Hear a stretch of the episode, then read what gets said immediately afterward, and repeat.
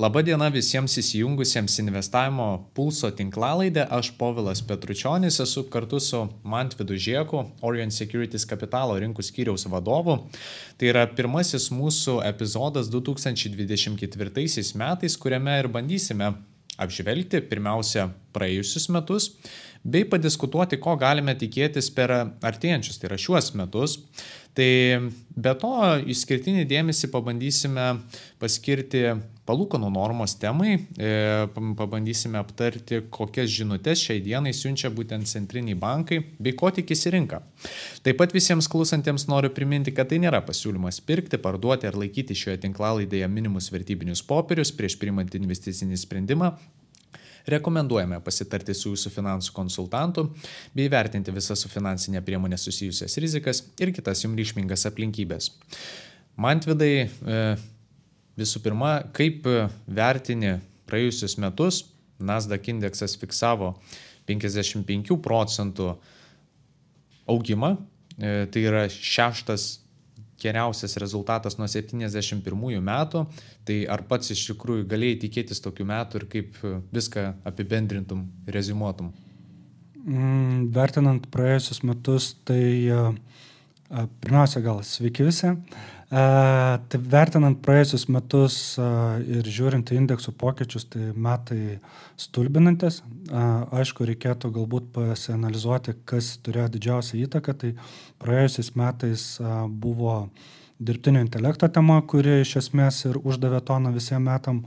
Ir jeigu 22 metų gale dauguma mūsų tikėjomės, kad šie 23 metai bus uh, flat pakankamai, tai yra nebus didelių pokyčių, bus jeigu 8 procentų 10 indeksų kilimas bus labai geri metai, gavome ten 50 procentų augimą iš Nasdaq indekso ar ten 20 kelių procentų augimą iš S&P, tai rezultatas tikrai daug, daug geresnis negu tikėjomės. Džiaugiuosi, kad nepramėgojom tos dirbtinio intelekto temos ir padalyvavome šitame visame kilime. Įdomu, kad išskiria dirbtinį intelektą, bet e, ko gero diskutavome, kad e, metų gale e, dirbtinį intelektą ko gero nubloškė palūkanų normos tema arba lūkesčiai dėl galimo mažėjimo 24 metais. Tai kokiu palūkanų normos pokyčių galime tikėtis sekančiais metais pagal tave ir kaip galbūt kokie yra rinkos irgi tie vertinimai? Mm, jeigu žiūrint JAF rinką, su kuria mes daugiausiai dirbom, tai a, Fedo prognozija yra tokia, kad bus 75 bazinių punktų mažinimas, rinka tikisi beveik 2 procentų mažinimo, tai aš manyčiau, kad bus kažkas procentas, pusantro turbūt šitose ribose, nes artėja prezidento rinkimai ir nu, Fedas bus labiau palaikantis rinkas, negu galbūt būtų įprastais metais. Ir kaip toksai palūkanų normos mažinimas galėtų paveikti skirtingas turto klasės, jų pasirodymą, gražą? Jeigu neturėsime recesijos, nes paprastai palūkanos mažinamos tada, kada jau yra kažkas sulaužoma, tai kai pasiekėm recesijos ribą, tai jeigu recesijos išvengsim, tai turėsim greičiausiai kilimą tiek akcijų rinkoje, tiek obligacijų rinkoje jeigu recesiją visgi turėsime, nu, tai akcijų rinkai bus šiek tiek sudėtingiau, bet a, tas turbūt bus irgi per, nu, kaip čia, ne, neilgas laikė periodas, o obligacijų rinkai vis tiek išliks pozityvus kilimas. Tai, tai manau, kad metai nebus a, galbūt tokie blogi, gali būti momentinių kažkokių kritimų, bet bet Fedas, kadangi vis tiek palaikys rinkas, tai manyčiau, kad turėsim gana trumpą tą kritimą, jeigu jisai bus. O, o, o sakykime, Europos centrinis bankas, kuris paprastai vėluoja, lyginant su JAV, tai irgi mažins palūkanas ir, ir, ir turėtų to pozityvo į rinkas grįžti. Išgirdau kelis kartu žodį jeigu, tai išgirdau tokius du pagrindinius scenarius, tai, tai kad būtent gana svarbus kintamasis yra ar bus recesija ar nebus, tai visų pirma mes čia kalbame jau apie tokio didelio masto recesiją, ar galbūt vėl, kaip šiaip iš tikrųjų nesenai turėjom techninę, kuri galbūt tokio, e, kaip dalis ekonomistų sako, buvo e, popierinė ir didelio, didelės įtakos, didelio masto įtakos ekonomikai neturėjo, tai pats gal kaip vertini e, tikimybę pačios recesijos ir, ir dar apibūdink, kokio, kokia tai galėtų būti recesija, ar tu tikėtumės jau tos tokios plataus masto, ar vėlgi galėtų būti tai tiesiog popierinė. Mm, geras klausimas.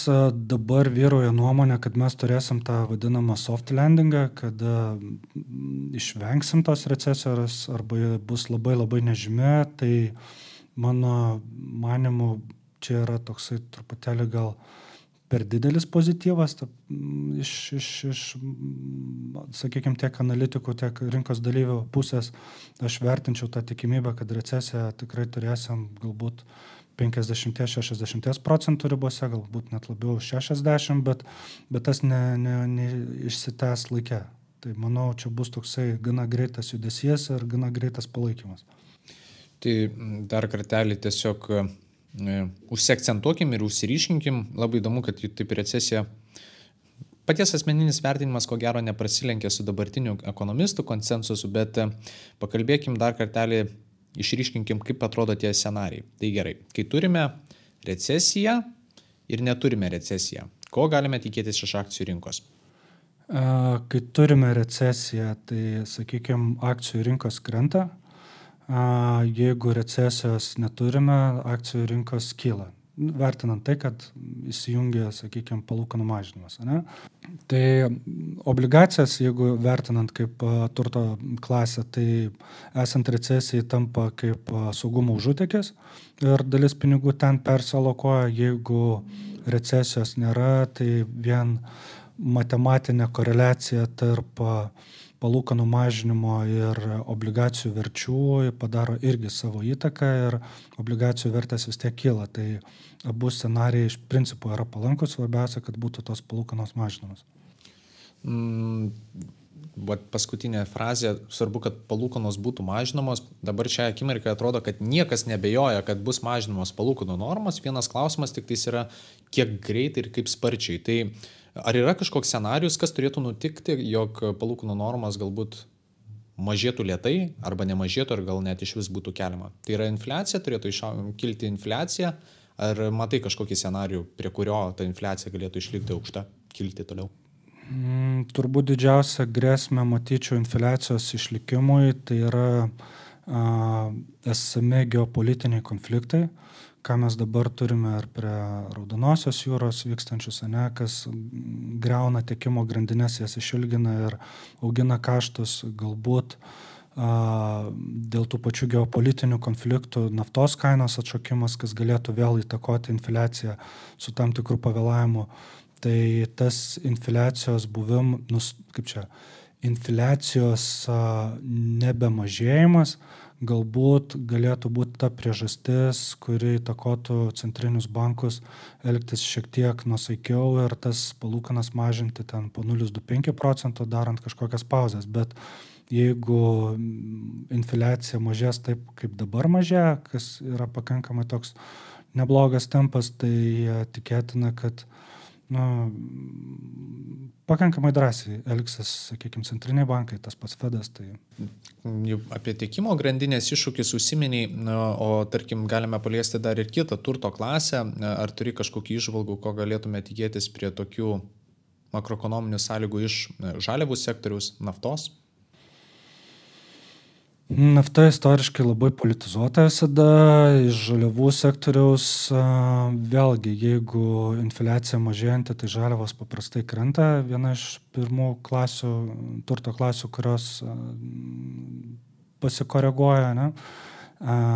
Tai šiemet manau, kad, nežinau, čia toks aišku spėjimas būtų, bet statymo ant žaliavų nedėčiau, nors auksas, pavyzdžiui, 23 metais tikrai visai gerai pasirodė, pasiekė naujas aukštumas, bet žvelgiant į visas kitas žaliavas, tai nebuvo kažkokio a, gero pokyčio, o šiemet, jeigu mes galvojam, kad arba bus infliacija, arba nebus, nu, tai iš principo mes balansuojam ant tos ribos. tai labai abejočiau, kad, kad žaliavos bus nu, būtent ta turto klasė, kuri parodys tą didžiausią augimą. Galbūt jau pačiam metų gale, kai ekonomikos pajaus, kad jau viskas po truputį gerėja, pinigai pinga ir, ir, ir ekonomikos atsigauna, verslai atsigauna, tada tas mm, žaliavų poreikis, iš žaliavų poreikių išaugos atsigaus ir kaina, bet, bet čia jau spėčiau į ketvirtą ketvirtį šių metų. Supratau. E, grįžkime šiek tiek dar prie rinkos vertinimo, kiek mes galime tikėtis, e, kokio tempo palūkanų normos mažinimo sekančiais šiais metais, 24-aisiais, vis dar nepripantu. Uh, tai šią akimirką, kaip ir pats susiminiai, rinka tikisi ko ne pusantro, kai kuriais atvejais galima vertinti, kad net ir arti 2 procentų mažinimo. Ir atrodytų, kad obligacijų rinkoje tai pradeda šiek tiek net atsispindėti tas optimistinis vertinimas. Atrodo, kad obligacijų pajamingumai na, tikrai labai sparčiai mažėjo. Dešimties metų JAV obligacijų pajamingumas nuo spalio mėnesį fiksuotų 5 procentų, dabar buvo susitraukę net iki 3,8. Tai mano klausimas tau, e, kaip tu vertini galbūt dabar tą kainos dinamiką pastarai, ar nėra perspausta, ar galbūt tas e, pajamingumas, apie kurį mes kalbėjome, obligacijų ir tas e, fundamentalus jo patrauklumas, kaip turto klasė šiai dienai galbūt jau yra tam tikrą prasme įskaičiuotas, kad kadangi rinka taip stipriai tikisi to iš tikrųjų palūkanų normos mažinimo ir būtent atitinkamai pats pajamingumas dėl to sumažėjo. Kaip ankstesnis tavo pašnekovas buvo labai gerai įvardinęs, rinka serga bipoliniu sutrikimu. Tai yra arba viskas labai gerai, arba viskas labai blogai. Tai žvelgiant į paskutinius porą mėnesių ir į tą visą kilimą tiek obligacijų, tiek akcijų kaip turto klasių, tai manau, kad tas yra šiek tiek perspausta esamu momentu, dabar dėl to mes ir turime tą atsitraukimą pirmą savaitę, kuri dabar jau, sakykime, antrą savaitę netęsiasi naujųjų metų, tai tas toks nusipurtimas, jisai ir vyksta, grįžta truputėlį prie to sveiko proto, bet uh, bet vis tiek manau, kad patrauklumas išlieka, tiesiog nu, turėjo būti ta techninė korekcija kažkokia, nes paėmus tos pačius gopšumo ir baimės indeksus, tai netgi žvelgiant į tai, kad jau savaitę gerą turėjom pasikoregavimo rinkose, vis tiek rinka atrodo perpirkta. Tai, tai nu, tas techninis atsitraukimas jisai turėtų būti dėl tiesiog nu, viskas nebūna taip, kad viena kryptimi kyla ir, ir niekas nenorėtų nu, anksčiau laiko iš tų pozicijų išeiti. Tai visada atsiranda, kas pelnus pasifiksuoja, kas dar kažką padaro, tai tas volatilumas ties tam tikrais ilgesniais kilimais jis atsiranda.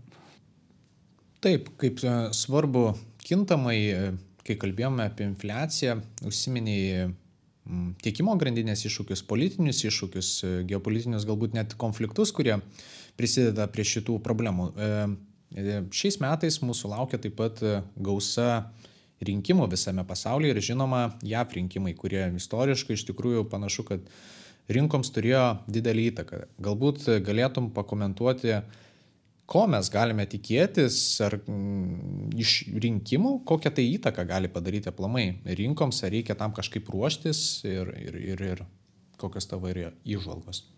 Mm, JAV rinkimai turbūt šiais metais bus patys svarbiausia ne tik JAV, bet ir visam likusiam pasauliui, nes nuo to labai priklausys ir geopolitinis stabilumas, nes jeigu, sakykime, pakankamai aišku, ko galima tikėtis iš a, prezidento demokrato, tai iš prezidento respublikono šiuo metu tų klausimų yra daugiau, ko galima tikėtis.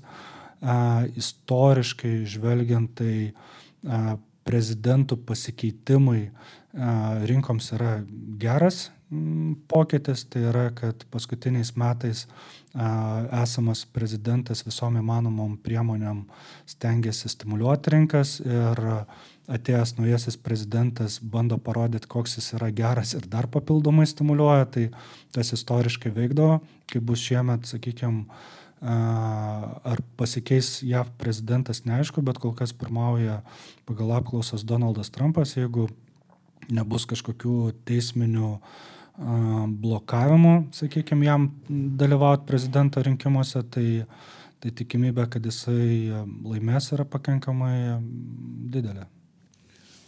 Priminko, kaip rinkos e, reagavo, kai pirmą kartą Trumpas buvo išrinktas.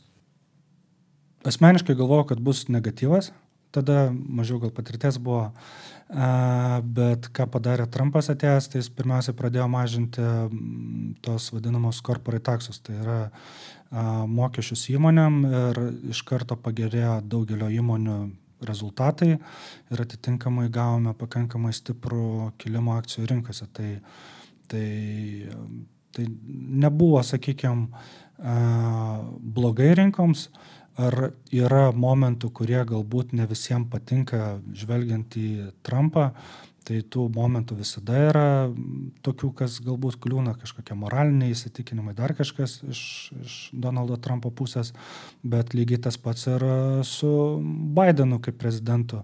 Daugam kliūna, kad jis yra garbaus amžiaus ir Ir, ir tas nu, daro, sakykime, atitinkamą nuomonę jo atžvilgiu, bet, bet yra ir gerų dalykų. Tai nebūna viskas tik juoda arba balta.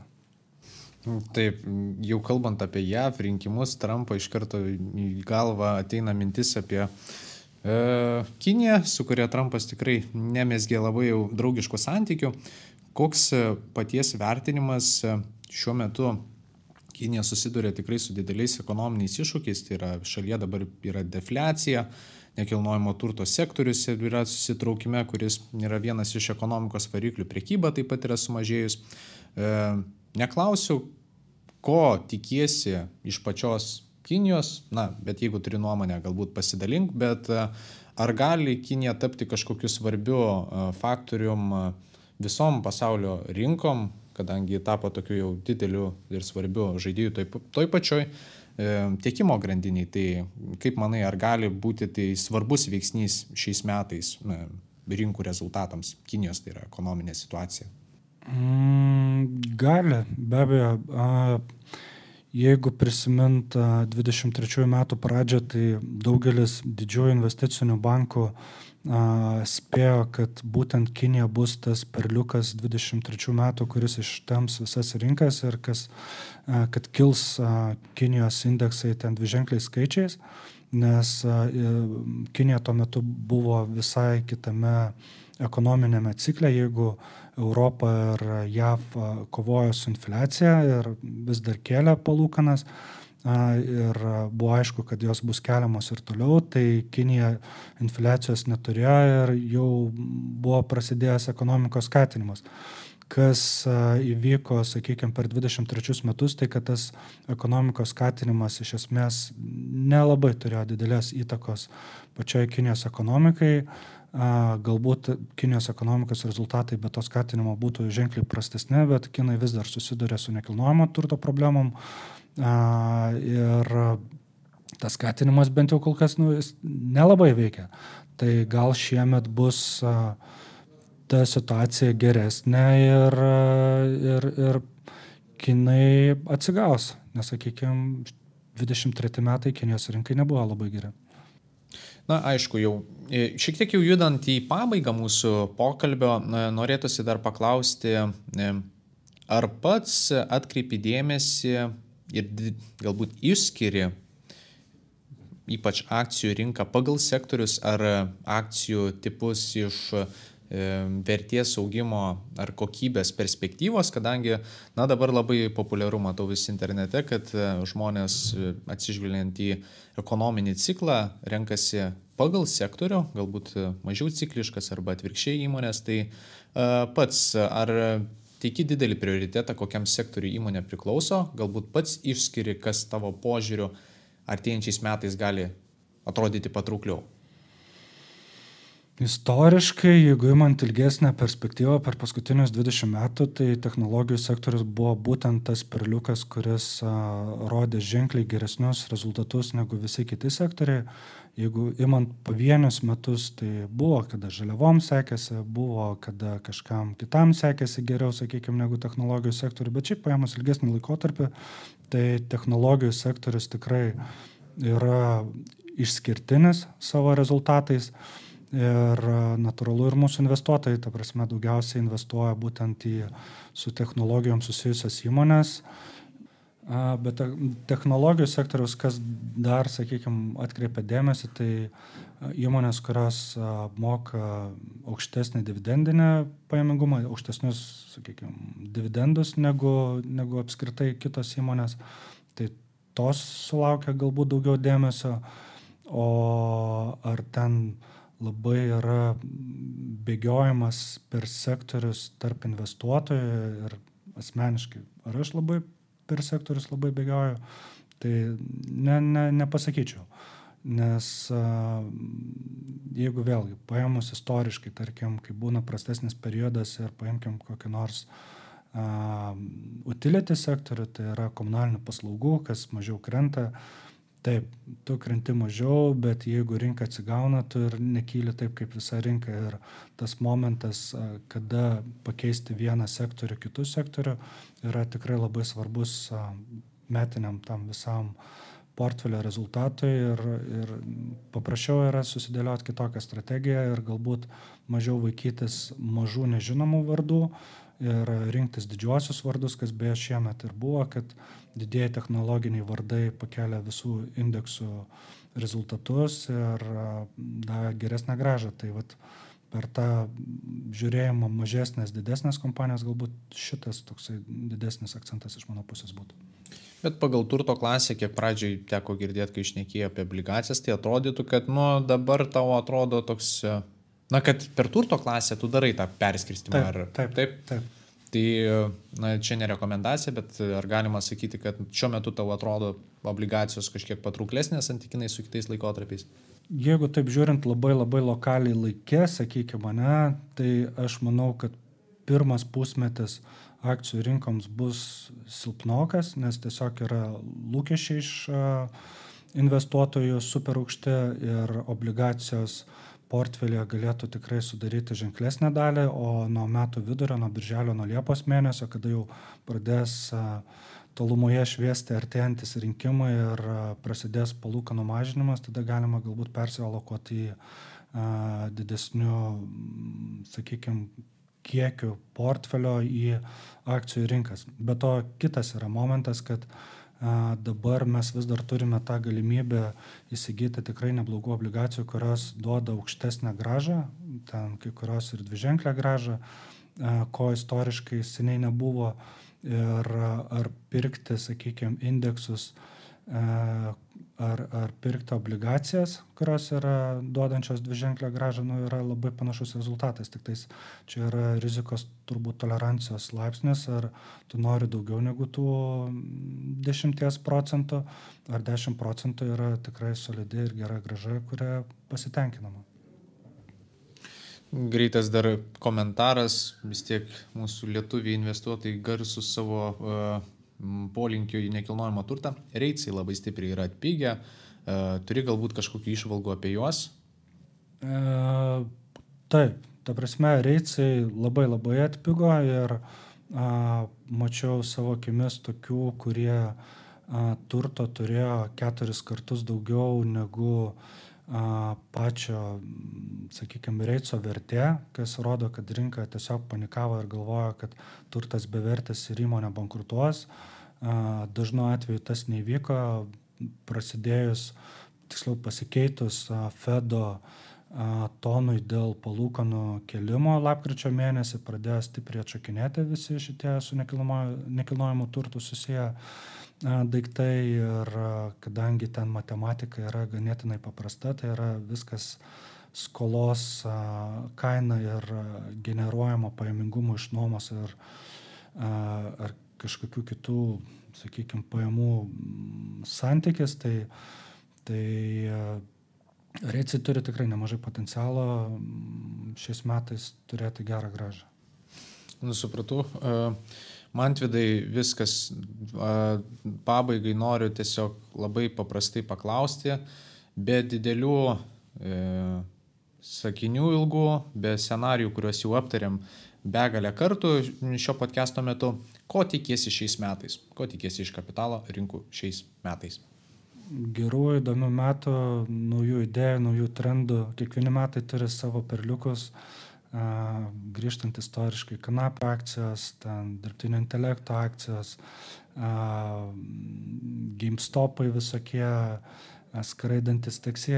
Kiekvieni metai turi savo perliukų, tai vat, labai įdomu, ką mes šiemet turėsim, kas bus tas, kas temps rinkas ir, ir, ir apskritai manau, kad bus labai įdomus metai na, ko gero nebuvo metų kapitalo rinkose, kurie nebūtų nustebinę kažkuo. Tai ką, viskas norėčiau jau pabaigti mūsų pokalbį. Manau, kad gana aiškiai ir tokius kelis scenarius užsibrėžėm. Įdomu, kaip seksis, ar, ar, ar, ar pasiteisins, ar ne, kada sulauksim palūkanų normos mažinimo ir panašiai. Na, o visiems e, klausytojams noriu priminti, kad tai nėra pasiūlymas pirkti, parduoti ar laikyti šioje tinklalapyje minimus vertybinius popierius prieš primant investicinį sprendimą. Rekomenduojame pasitarti su jūsų finansų konsultantu bei vertinti visas su finansinė priemonė susijusias rizikas ir kitas jums reikšmingas aplinkybės. Klausytojų skatino uh, sekti mūsų socialinių tinklų uh, kanalus, komentuoti šį video, laikinti jį, bei taip pat pasiekti Spotify bei Apple podcast mūsų paskiras, kur taip pat keliame savaitinės kapitalo rinkų apžvalgas. Kągi, Mantvidai, ačiū dar kartelį už pokalbį. Ačiū, Paulai. Su jumis buvome aš, Povilas Petručionis ir Mantvidas Šiekas. Dėkoju, kad klausėte ir iki kitų kartų. Iki. Visiems sėkmingų metų.